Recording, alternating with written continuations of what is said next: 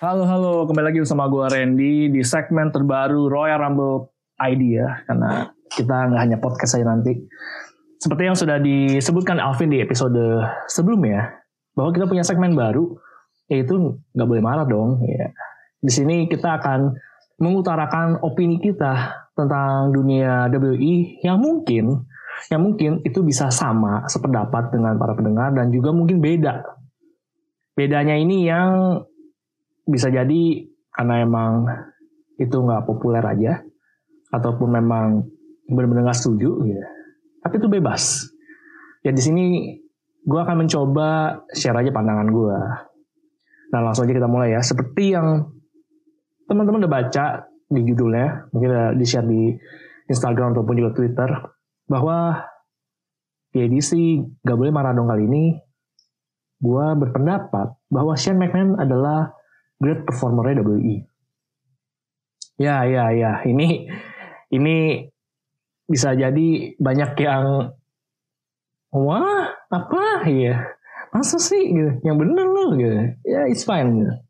memang terlepas ini emang gue emang demen sama sosok ini juga ya. Kalau misalkan teman-teman ikutin beberapa episode sebelumnya sempat bahas beberapa karakter yang menarik di WI gue memang masukkan nama Shane McMahon di sini tapi tentunya karena gue suka itu karena ada alasannya dan ini alasannya menurut gue yang membuat gue tertarik sama Shane McMahon dan gue melihat sebenarnya ini emang salah satu talent WI yang sebenarnya oke okay banget gitu. Pertama, menurut gue dia ini sosoknya ikonik banget. Ikoniknya adalah dia punya persona yang jelas gitu ya. Dia sebagai orang yang mungkin obses dengan money gitu ya. Makanya here comes the money gitu kan.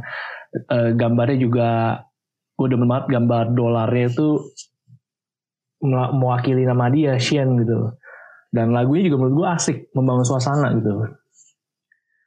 Ada beberapa superstar yang lain oke okay, tampilan ringnya tapi musik entrance-nya dan juga proses masuknya tuh nggak semangat. Beda sama Shen gitu. Menurut gue Shen salah satu keunggulannya adalah dia membangun suasana. Dan itu pas banget dengan personanya dia. Nah itu menurut gue udah jadi keunggulan tuh. Yang dimiliki Shane McMahon. Yang kedua, menurut gue mix skillnya Shane McMahon juga oke okay banget gitu. Gak usah diraguin lah ya. Dia banyak banget promo-promo yang udah terjadi. Dia di dunia gulatnya juga udah lama dan kita tahu kemampuan mix skill Shane McMahon tuh juga oke okay banget gitu dan menurut gue ini salah satu keunggulan gitu personal lu oke okay, mix skill lu bagus itu udah salah satu salah, salah beberapa kriteria yang udah ke checklist gitu loh lu mau jadi seorang wrestler terbaik gitu di di dunia gulat nah selanjutnya lagi tuh menurut gue selain ikonik banget ya karakternya dan juga skill yang oke okay, yaitu Shen ini tuh mampu memberikan style move yang baik buat lawan mainnya. Dia bisa ngangkat lawan mainnya. Bisa dilihat lah totalitasnya Shen kalau lagi bergulat. Biasanya kalau lagi lawan ketika lagi dibanting ataupun ada beberapa move yang harus dia dikenakan ke dia, dia tuh benar-benar bisa menjalankan dengan baik. Gue ingat uh, salah satunya adalah ketika Undertaker choke slam dia dari dari pinggir ring dilempar gitu choke slam ke meja komentator gitu loh. Itu gokil banget gitu loh dan dia berapa kali ada emang adegannya kan juga jatuh ya jatuh dari buat uh, ketinggian gitu. Dan dia benar-benar melakukan itu dengan baik gitu. Dan dan dikit lah kayaknya beberapa lah wrestler yang mau melakukan adegan tersebut. Apalagi pas lagi lawan Angle menurut pecah-pecahnya tuh. Ketika lagi uh, apa dibanting ke kaca dan itu nggak pecah dia bahkan minta ulang lagi. Yuk kita lakuin lagi sampai sampai ini pecah dan berikan yang terbaik buat buat para uh, penontonnya gitu. Dan itu yang akhirnya menurut gue wah ini orang nih hebat nih gila nih gitu. Dia udah di akhir-akhirnya kan dia lawan Undertaker lawan The Miz lawan uh, Kevin Owens gitu. Terus juga lawan AJ Styles lalu juga terakhir yang lawan Braun Strowman. Walaupun memang kebanyakan dia kalah tapi setidaknya pertandingannya menurut gue nggak gitu jelek banget sih gitu walaupun promonya mungkin agak-agak gembel jalan ceritanya iya hmm.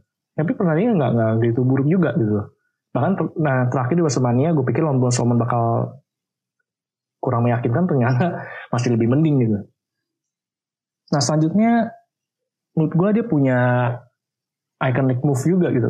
Dia punya signature move yang menurut gue oh di sini udah melekat banget ke dia yaitu coast to coast.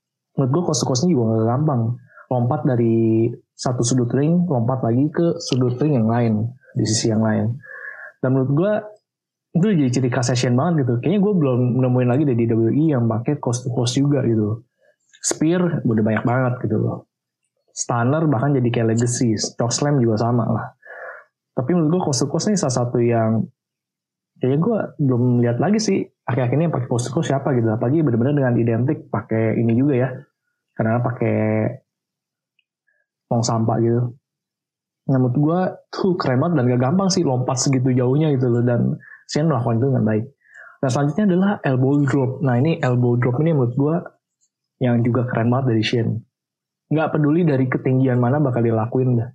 Mau dari popnya cage mau dari uh, pinggir ring apa uh, dari yang tiang apa juga bisa dipanjat dia juga bakal lompatin deh dia sering banget kan elbow drop uh, dari ketinggian gitu. Pas lagi dia elbow dropnya si Ken ya kalau nggak salah di ambulans terus dia elbow drop.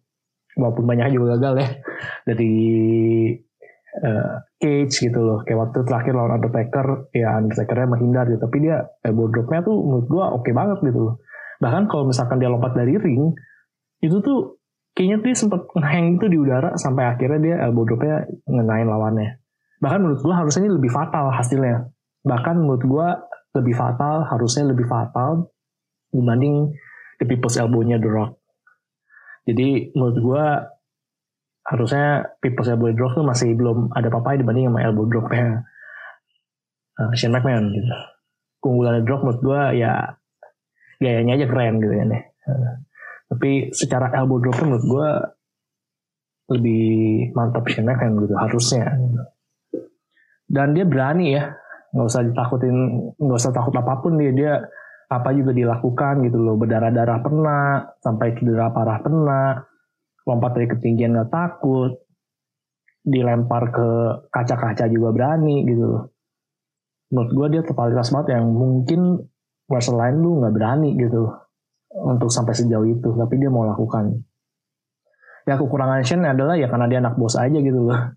Jadi mungkin ada peran-peran tertentu yang nggak bisa dilewatin. Kan kalau dia dibikin imba juga ya itu dibilangnya anak-anak bos gitu. dan juga nggak baik juga untuk dunia talent di WWE itu sendiri. Jadi dia punya perannya sendiri gitu. Tapi menurut gue sebenarnya dia punya paket lengkap bisa jadi wrestler yang hebat. Ya badannya juga jadi gitu loh. Eh, bokapnya aja juga Vince badannya juga jadi cuman nggak kelihatan aja gitu mereka tutup nah itu alasan gue kenapa gue bilang Shane itu sebenarnya salah satu top performernya gitu yang great performer uh, di WWE cuman dia underrated aja gitu dan gue berharap ya ada orang yang bisa melihat kelebihan dia dan diapresiasi gitu. karena peran dia penting juga selama jalannya WWE.